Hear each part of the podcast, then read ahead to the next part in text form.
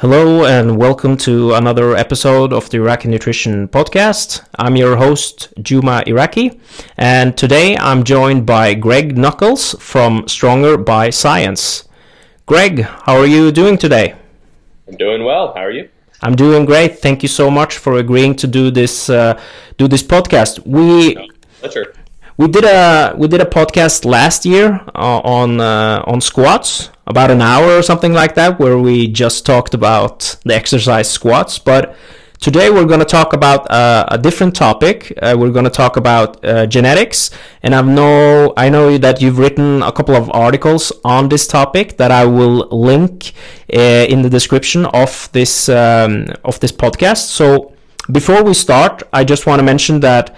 Uh, this podcast is available on YouTube in video format, but you can also listen to it on iTunes if you prefer that. So, uh, Greg, for people that haven't watched our previous podcast, uh, could you give us uh, an introduction about yourself? Uh, yeah, my my name is Greg. Um, I lift weights. Sometimes I write about lifting weights, and I help other people get good at lifting weights and uh, that's about it. Like yeah. beer, a cute dog. Uh, it's yeah, that's that's about it. that, that's about it. You're not gonna mention any of your uh, any of your big lifts. Nah, I mean, I figure, I figure by the end of the show, people can decide whether I'm someone worth taking seriously or not. Just let the information stand on its own. Okay, sounds good. All right, Greg. So let's uh, let's start by talking about like you often hear a claim that if you put in enough in enough work uh, and you work hard and there's even been suggested as specific numbers for how many hours you need to achieve your uh, uh, sports performance goals. But is that true or is is it predetermined by your genetics? Um, okay so first things first, I think you're you're dealing with both nature and nurture here, and I think that a lot of people um, make this make this a more contentious subject than it needs to be because uh, they ask the question as if it's a dichotomy. So, is it nature or is it nurture? Uh, and and obviously, obviously, it's both, right? Um, so I think uh, people who who think that there's a strong genetic component still think nurture plays a role. I think there are some people though who uh, think that like training and nurture and environment that that's all that matters. I think some of them do legitimately think genetics don't play a role. And those people are crazy, and hopefully, hopefully the listeners will understand why by the end of this podcast. Uh, but yeah, they, they both play a role. So, you know, you start at a given place, you respond to training, in a given way, but you you do still have to train, right? So it's not just it's not just your your genetics determine how good you're going to be independent of training. You still have to train. That still absolutely makes a difference. Um, but your your genetics are, are definitely going to put um, some sort of cap on on how good you can possibly get. Uh, I'm not necessarily sure it's a hard limit the way some people think it is. We're just like they use the term like your genetic ceiling, where you know you get there and there's no possible way you can go past it. Um, I think it's more of like an asymptote, uh, tracking along a line that has just a very very small positive trend until you basically get too old, and then has a shallow negative trend. Um, but yeah, your your genetics are, are largely what's going to like circumscribe that that upper bound. Um, and I think people people just get weird ideas when they're dealing with a subject they're passionate about. So uh, if if if I said something like, you know, your genetics are uh, largely going to constrain how good you can be at basketball people would look out in the world and they'd be like, okay, I'm not Shaquille O'Neal. I'm not LeBron James. That makes sense. Like, they definitely picked better parents to do the whole basketball thing than I did. uh, yeah, of course, of course, their genetics influenced how good they could be at basketball. They're bigger than me, they're stronger than me, they're faster than me, etc. Then, and so like people see that, or you know, um, let's say like smarts. They're like, oh, Stephen Hawking is like legitimately smarter than I am. It's not just like he trained harder to study physics harder, and like that's the only difference.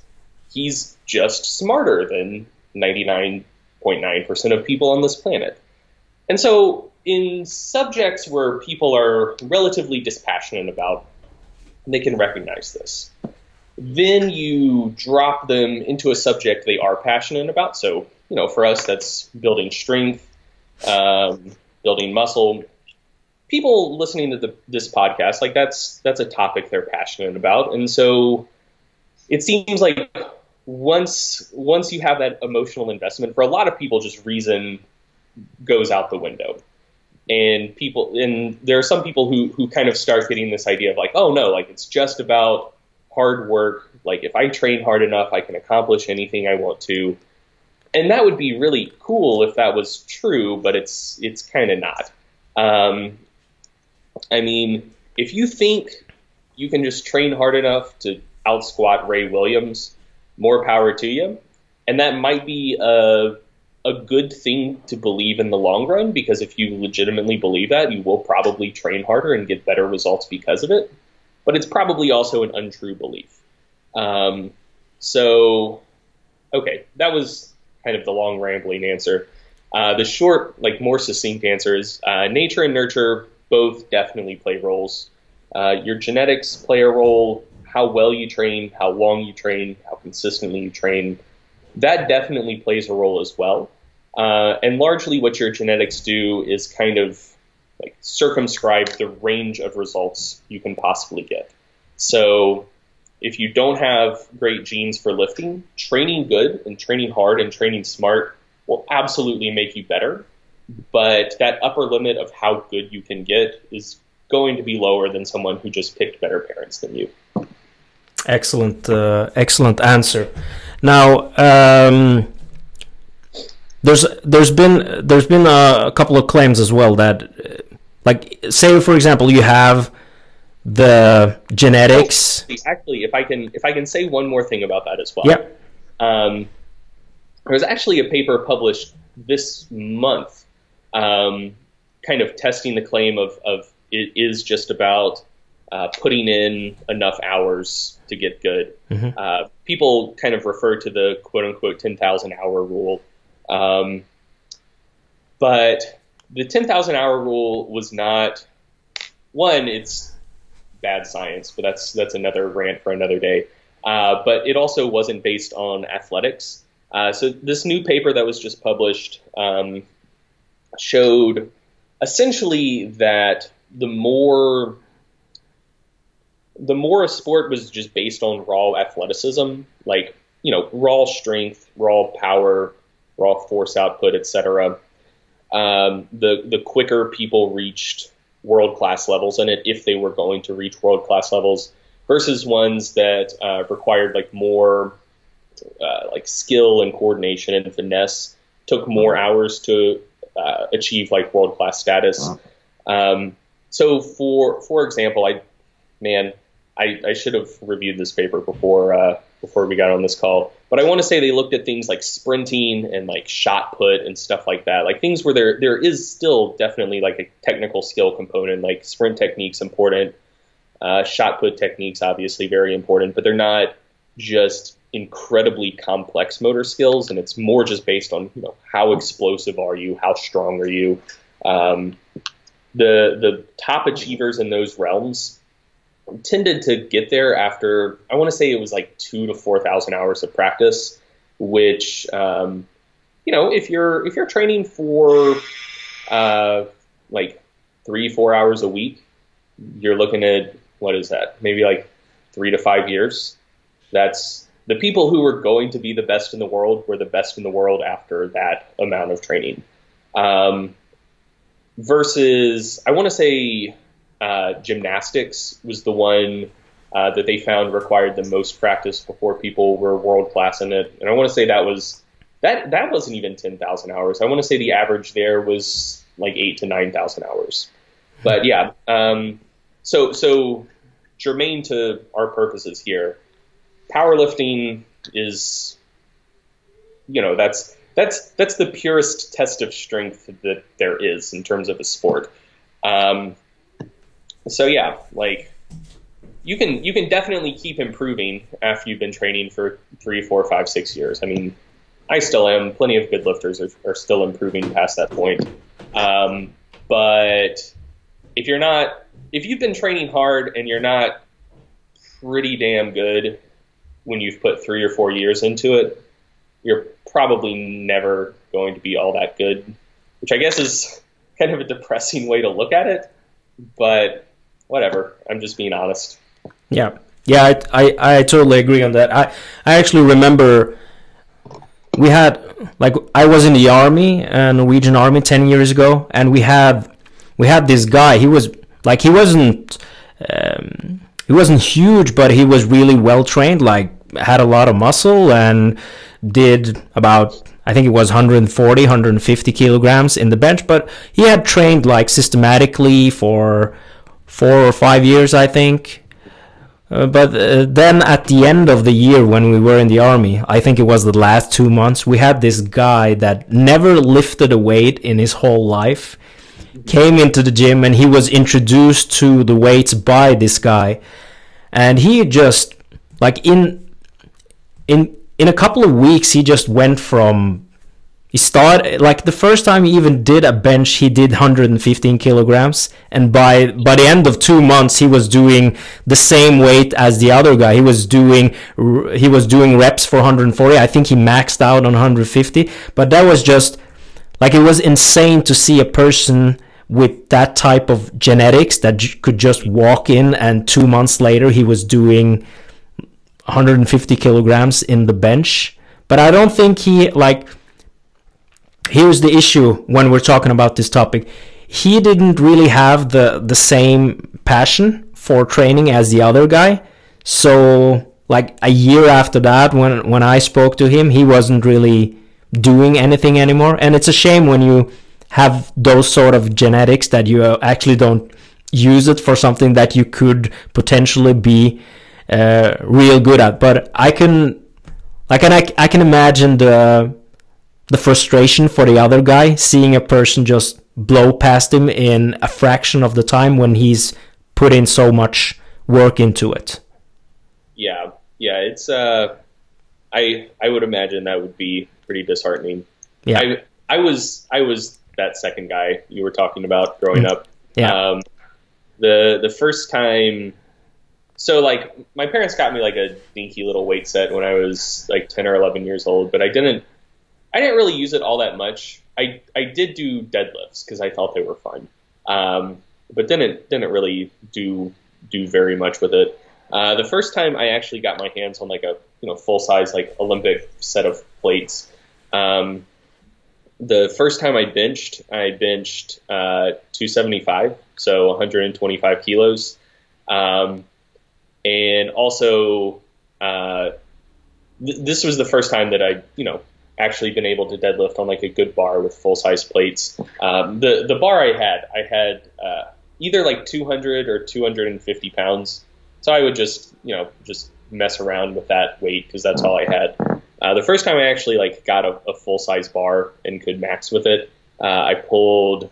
Um, try to do this in kilos, like one 185, 190. Um, and I was I was like uh, 14 years old and uh, 65, 70 kilos at the time. Mm-hmm. And then, like, nine months later, I totaled, oh man, uh, close to 700 kilos. And, you know, it's, it's just like a fifth, or no, no. That was a little over a year later. So, um, I had just turned 16 and I'd, I'd gone from like 65, 70 kilos to 95 kilos in that span of time. just, yeah, like I just took to the weights and blew up and got, got good at lifting pretty quick. And that's, uh, actually, so that's that's another uh, important distinction to make as well. Um, a lot of people, when they're assessing for themselves how much potential they have, uh, they kind of take their their starting point as an indicator. Um, but there's actually a pretty fair amount of research showing that your starting point is not an indicator at all of how gifted you are for for getting big and strong. Um, there's essentially like no correlation between starting point and um, how well you respond to training. So uh, you you see this like in the fitness industry a lot. People have these like before and afters like of themselves when they got into lifting is like inspiration. It's like, oh look, I was small and skinny. I have terrible genetics, but I still built a great body, or I still got really strong. That's just bullshit. Like that's not. I I see why people think that, uh, and if they haven't looked at the research on it, I don't think they're. I I think they actually believe that when they say it. Like I don't think they're lying. I think they're just mistaken. Uh, but yeah, that's it's complete bullshit. There's there's absolutely no correlation um, between how strong you are and how much muscle mass you have pre-training and how well you then go on to respond to training. Yeah. So I so it, it sounds like that dude you were talking about in the Norwegian army and, and me both. Um, like I I was strong to start with and I responded to training well. Um, but there there are definitely people who start off like stronger than average and with more muscle mass than average who don't respond to training all that well. And then uh, take someone like Layne Norton, who was like super skinny and weak when he started training, but like he's obviously responded to training super well. Um, so yeah, it can it can work either way. Um, and so for people listening to this, that is that's an idea to get out of your head. If you have like self-limiting beliefs because like you were small and weak when you when you first started training, um, don't don't think that that's any sort of indicator of, of where you're going to end up.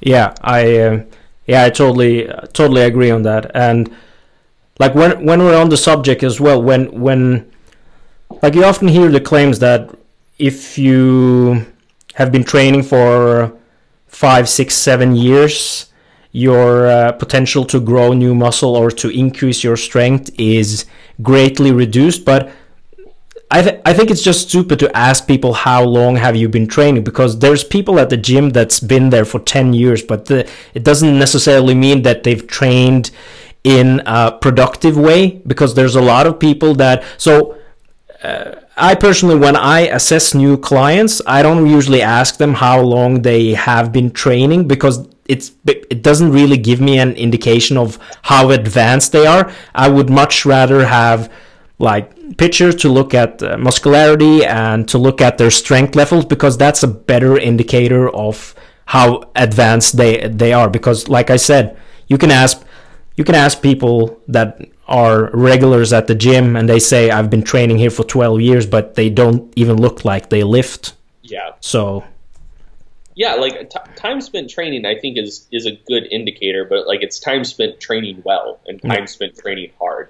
Yeah. Um, you can take someone who's been in the gym for a decade who's been training like an idiot and put them on a good program and get them to train hard and they make great results. That that's actually so I, I write about research a lot, and that's actually kind of a, a bit of pushback that I get pretty frequently.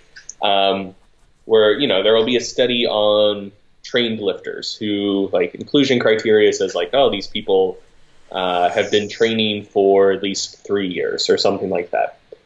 And let's say over the course of a eight week study they put 40 or 50 kilos on their squat on average, and people will be like, this is bullshit. There's no way that trained lifters can, you know, add that much to their squat in this period of time. And I'm like, the inclusion criteria only says like they've been lifting weights for three years. Like, look around the gym you train at. How many people who've been lifting weights for three years would would you personally classify as well trained? Mm-hmm. It's not many. Um, so yeah, like definitely, I I think yeah, that's that that is that is kind of one one drawback as well when you're talking about like uh, applying research to the real world, um, just because like uh, a study's like inclusion criteria for well trained and like mine and yours idea of someone who's actually well trained are, are probably going to be two relatively different things. And I, I would I would say that kind of on average, if someone's been training hard and training well for five to seven years, um, they, they probably do still have some potential to keep improving and keep getting stronger. Um, and if you're David Ricks, if you've been training 40 years, you're still improving and getting stronger. Um, but yeah, I, would say on average, five to seven years, you you've you've done about as good as you're going to do. You might still have like maybe another five percent or something to gain, but things are things are going to be pretty slow at that point. Uh, but if you've just been dicking around for five to seven years, you're still essentially a new lifter. And if anything, you might be able to gain muscle and strength faster than someone who's who's still relatively new to it because like you have decent technique at that point. So you can train harder if you decided to pull your head out of your ass and actually start lifting hard. Yeah, excellent. But how how can there be such a big difference in genetics between people when 99.9 of our genes are the same? Okay, that's I'm I'm glad you asked that because uh, that that is people people who say that genetics don't matter for strength development or hypertrophy. That's that tends to be one of the first things they throw out. Like, oh, we're 99.9% genetically similar, uh, so there can't be this degree of variability. So um, when when people ask that, I think it shows a lack of understanding about how genetics work in the first place. So we do share 99.9% of the same genes. So uh, first, what a gene is. It's uh, a sequence of DNA nucleotides that codes for a given protein. And that's that's all it is. Uh, but there are like different. Um, how how technically savvy do you think your audience is about genetics already? Uh, I think you should explain it uh, quite okay. easy. Okay, that's that's fine.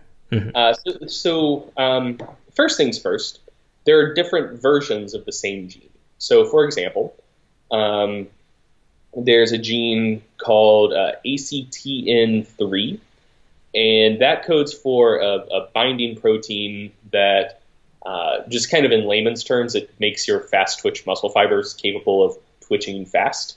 Um, so without this protein, uh, type 2 fibers behave much more similarly to type 1 fibers, but still with crappy endurance. So uh, makes your type 2 fibers just really not good for all that much. And they find that kind of unsurprisingly, world class sprinters tend to have so there and there's a good version and a bad version of this gene, at least for for strength and power athletes. Um, so there's a version of the gene that codes for this protein that you want, and there's a version of the gene that still codes for a protein, but it doesn't function properly. And um, generally, good strength and power athletes have the, the proper functioning version of the ACTN3 gene. And so that's that's something that does influence performance, absolutely. Um, but people with the good and bad version of the gene, uh, they, they still have the same gene. So when you're counting that 99.9% genetic similarity, that would be counted as a similarity. They have the same gene, but it's different versions of the same gene. Uh, so that's one thing that helps explain it. Another thing um, is copy number variation. So you you probably learned in school that you have two copies of every gene. Um, so you have two chromosomes, and you have like one version of each gene on like corresponding chromosomes. And that is not entirely true. Um, you can actually have like different numbers of of the same gene. Um, and so uh, a good example of this, I'm not I'm not directly sure, or I don't directly know any examples um, that are directly relevant to strength and hypertrophy, but there is one that's relevant to body composition. Um, study published in Nature, I believe, in 2015 was looking at the copy number variation of the salivary amylase gene. So, salivary amylase is uh, an enzyme in your mouth that starts breaking down carbohydrate like before, like while you're still chewing it, before you swallow it, before it goes through your digestive system. And um, essentially, like it starts breaking down starch into sugar, and that does two things. Uh, one, for like a finite level of carbohydrate consumption, like it tastes sweeter and gives you like more of a quote unquote reward response. And it also causes a larger, uh, what's called cephalic phase insulin response, where while the food's still in your mouth, your body starts producing insulin because it knows that carbohydrate is going to be coming into your blood soon. Uh, so it gets ready to dispose of that in the cells. Um, so those are those are, are two two good things. Uh, and they found that people with higher copy number variation of the salivary amylase gene had more salivary amylase in their mouth. Um, and so they had the larger cephalic phase insulin response. Uh, I, I want to say they looked at like dopamine signaling pathways in the brain or whatever. But most importantly, uh, they looked to see how that correlated with uh, BMI. And they found that people with the highest copy number variation of this gene had the lowest BMIs, and the people with the lowest copy number variation, producing less sal- salivary amylase, had the higher BMIs. Because uh, essentially, the people with more copies of this gene, their body was more primed to handle the carbohydrate they ate. They also got a larger like reward response from a given level of carbohydrate intake, so they didn't need to eat as much of it to get like the same feeling of reward and gratification. Uh, so yeah, copy number variation is, is another example of all of those people have the same gene that counts in the 99.9% genetic similarity, but you can still have differing outcomes resulting from that. Um, let's see. Another good example is post-translational modification. Um, so essentially, your, your genes code for RNA and your RNA is translated into proteins. And the protein is, is ultimately what matters. That's what has uh, some sort of, of, functional effect inside your body.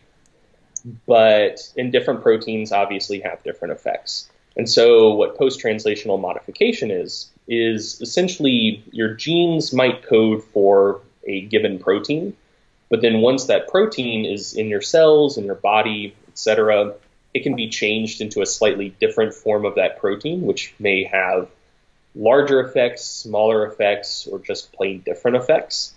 Uh, so a good example of this is um, IGF-1 has some anabolic signaling properties. Uh, systemic IGF-1 probably doesn't have all that much of an effect for muscle growth, but uh, intracellular IGF-1, so what's called autocrine and paracrine signaling of IGF-1. So your muscles produce it themselves, and that IGF-1 that's already there in your muscles uh, probably does uh, play a play a pretty meaningful role with post-exercise um, regeneration and remodeling of muscle tissue. But IGF-1 itself doesn't do all that much, but it has uh, what are called splice variants um, of IGF-1 that are much more bioactive, and high responders to exercise. Essentially, their their body once once the the DNA's part of it is taken care of, once IGF-1 has been produced, some people modify that into the more like bioactive forms of it more efficiently. So again, every everyone has the same IGF-1 gene, um, but some people their body is is capable of converting that to the, the quote unquote better forms of IGF-1 uh, at least as far as like hypertrophy goes. Um, and then,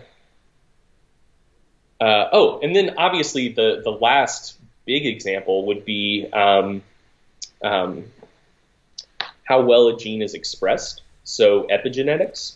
So essentially, you can have the same genes, but some people express those genes better than other people do. So just because you have a gene doesn't necessarily mean your body is going to read it and produce the proteins that it codes for. Um, and there's like no guarantee that two people are going to express their genes equally well. So um, yeah, that's that's the last example. Like you can have you can have the same genes, uh, but let's say that you have a gene that codes for some sort of anabolic signaling molecule. Let's say mTOR or something like that. I don't know. Uh, some people, some people, or let's just say ribosomes, the things that actually produce the protein. Uh, the the DNA that codes for ribosomes. Some people may express those genes a lot. Some people may not express them all that much. Uh, so again, they have the same genes, but they have different function, functional outcomes uh, just due to, to how well or how poorly the genes are expressed.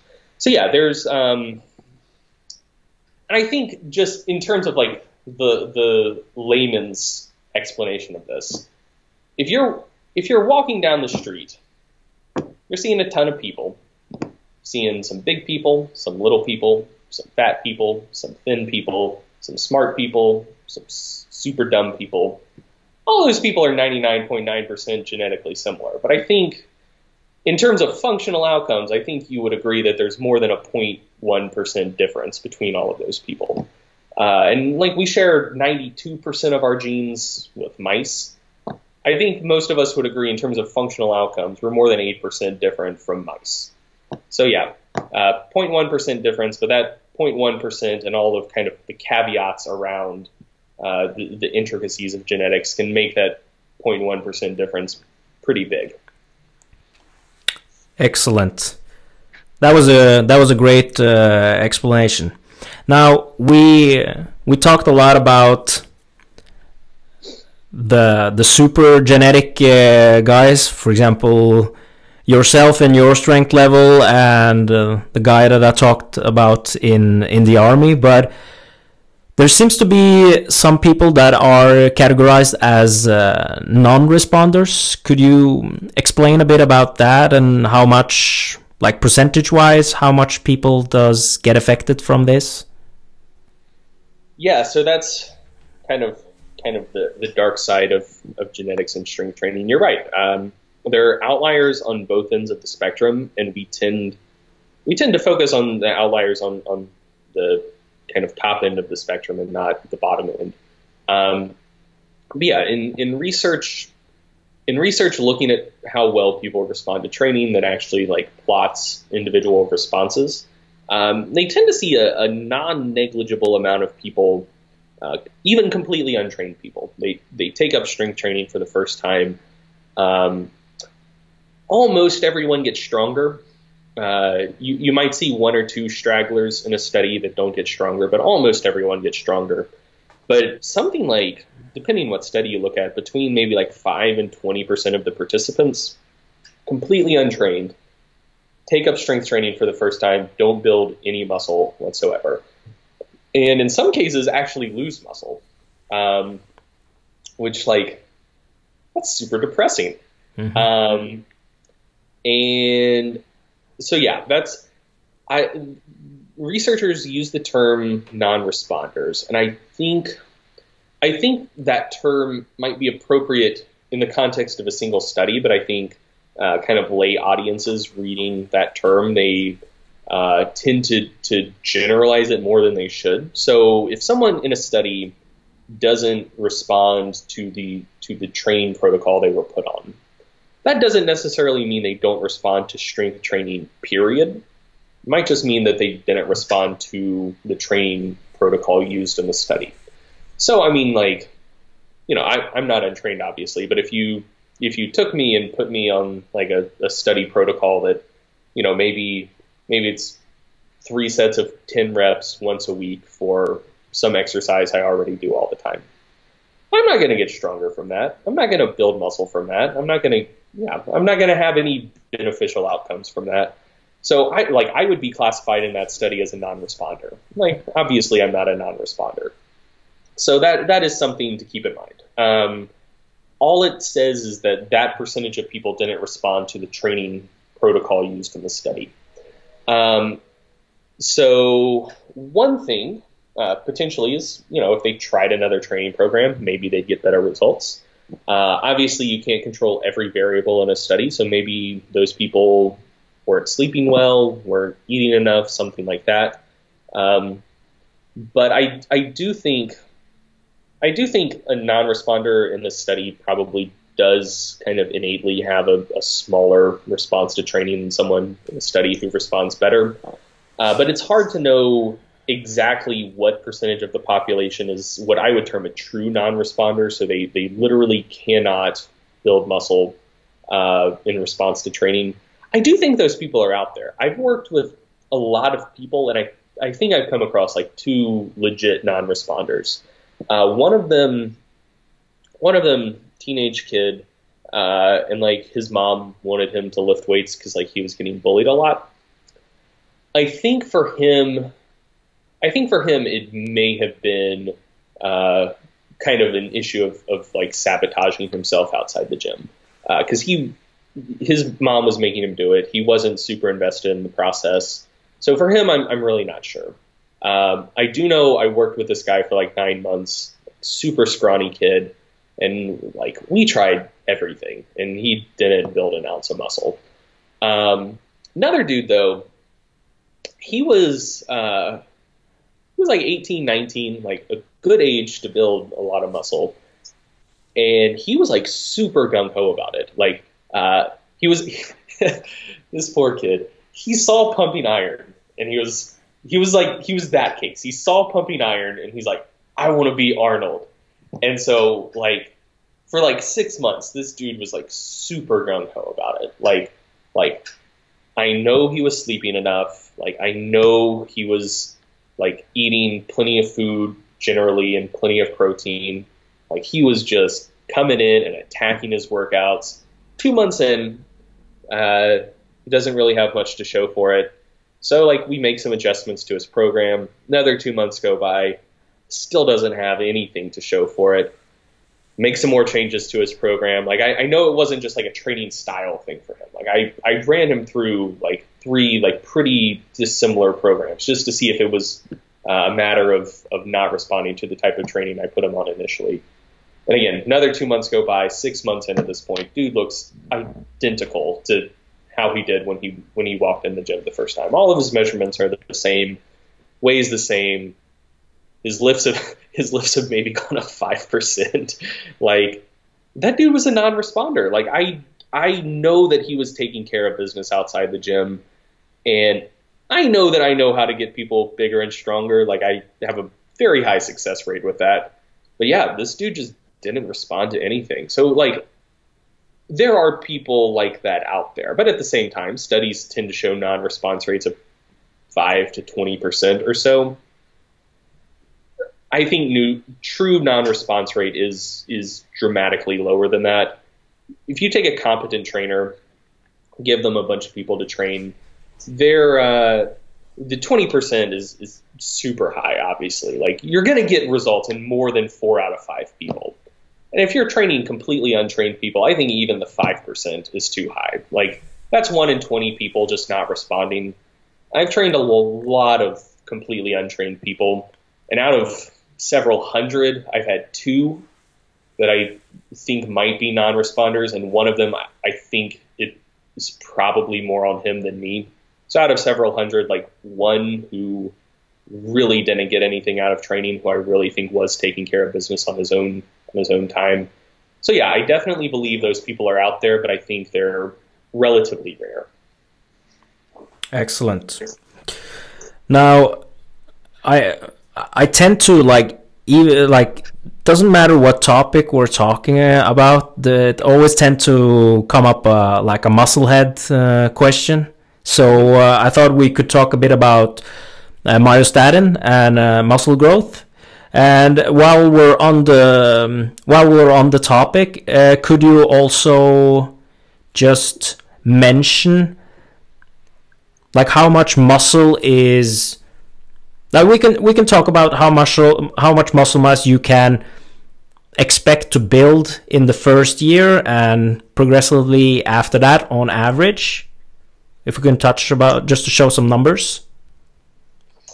Uh yeah so just just based on what I've seen, um, people tend to build somewhere between uh, kind of on the low end 10 ish kilos of muscle, and on the high end, 20 ish kilos of muscle across a training career.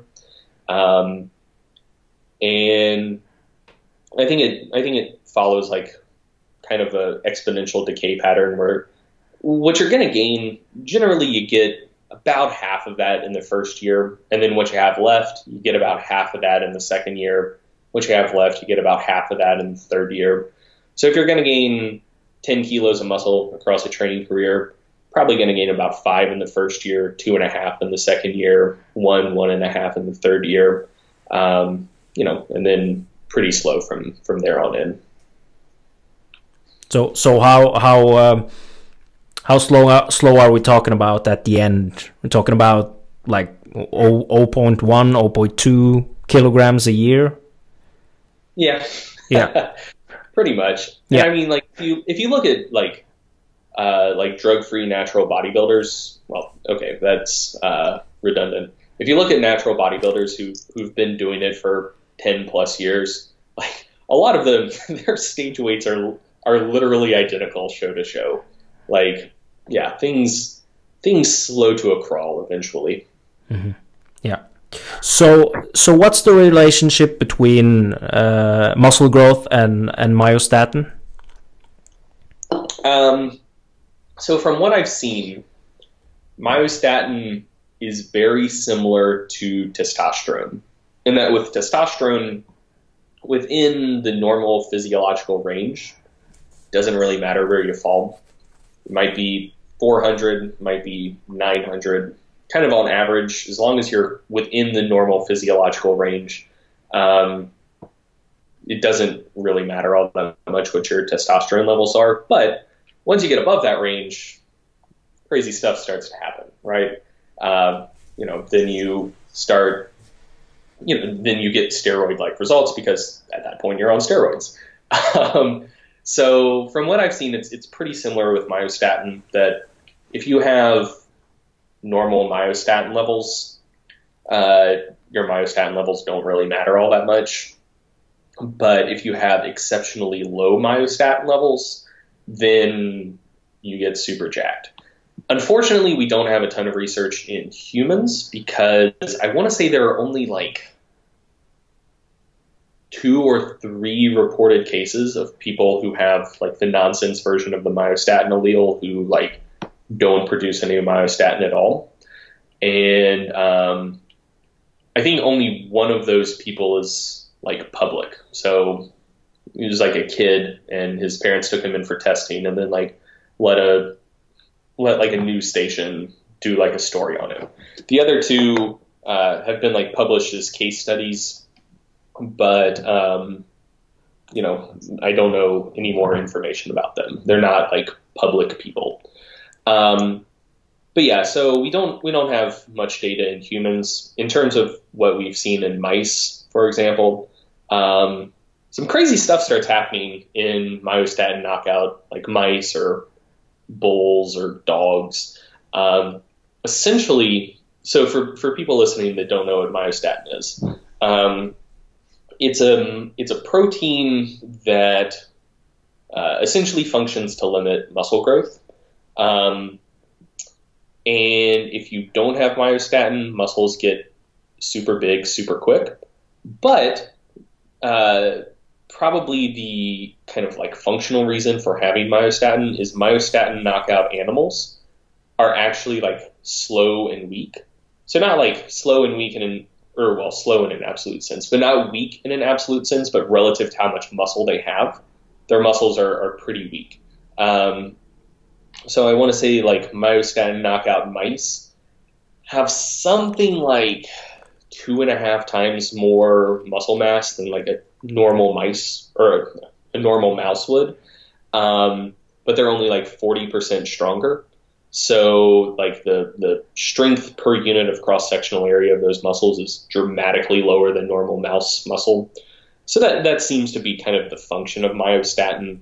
Um, you know, it, it basically constrains rate of muscle growth to make sure the muscles still function properly. And without myostatin, you take you take the brakes off the growth response, but then the mu- the muscles can get so big so quick that kind of the intracellular organization goes to hell and the muscles don't work that well anymore. Excellent. Yeah, because a lot of people, when they see these Belgian blue cows on TV, they think they're injected with uh, with anabolic steroids or other hormones, but it's actually the myostatin deficiency that's causing them to have so much uh, so much muscle mass. So one thing to keep in mind, and I don't I don't think people think about this. So I know that I know that like a few years ago, uh, people were trying to develop myostatin inhibitors, like for for bodybuilders. You don't want to be on one of those. Because um, another thing myostatin does, which is kind of important, is make sure your heart doesn't hypertrophy too much. And if the walls of your heart get too jacked, they can't pump they can't pump blood effectively anymore. Um, like some degree of cardiac hypertrophy is totally normal and expected when people take up any sort of physical training. Um, slightly different with endurance versus strength versus like high intensity cardio adaptations, but whatever. Like it's uh, you're, you're going to have some degree of cardiac hypertrophy. That's perfectly normal, and it's it's a good functional adaptation. Um, but if the muscle hypertrophies too much, it just can't pump blood effectively. And so that's probably also one of the reasons myostatin's a thing as well. Um, just make sure your heart keeps working properly. So, from what I understand, the myostatin inhibitors they were working on never ended up actually being all that effective, so they never made it to market. If they do make it to market, and this is something that interests you, and you think that you might want to take a myostatin inhibitor, give it five years and see if people start dying before you jump on that train. Because uh, I I have I have a hunch uh, that that you would probably see some cases of heart failure just from excessive cardiac hypertrophy. Yeah, excellent, uh, excellent advice.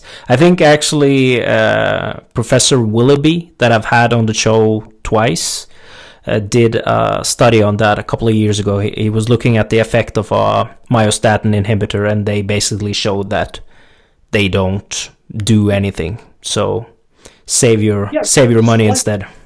Like like what I said, if you have myostatin within the normal physiological ranges, which are pretty big, it doesn't seem to make that much of a difference. Hmm. So the myostatin inhibitor would need to be effective enough to decrease either production of myostatin or function of myostatin to like sub physiological levels, and we're we're just not there yet. Yeah. So if, if it knocks you from like the middle of the range to the low end of the range, you wouldn't expect it to do anything. Mm. All right, Greg. Uh, to wrap this uh, podcast up, could you give the listeners a um, take-home message on the topic that we've talked about? Yeah, for sure. So um, people have different genes. People have different responses to training. It's not fair, but the universe isn't fair, so it is what it is. Like you just have to deal with it. But uh, there is still a lot that's within your control. Your genes, um, you know, if if there's if there's a line of total training responses a human can have, and like here is the worst, actually from your perspective, here is the worst possible response you could possibly have. Here's the best possible response you possibly ha- could have of any human ever. Your genes will kind of tell you where in that range you're going to fall, but your work and effort still determines where you're going to fall within that range. So, at the end of the day, you it is not within your control to be to get any result you could possibly want to get and to be the best at any sport that, that you would want to be good at.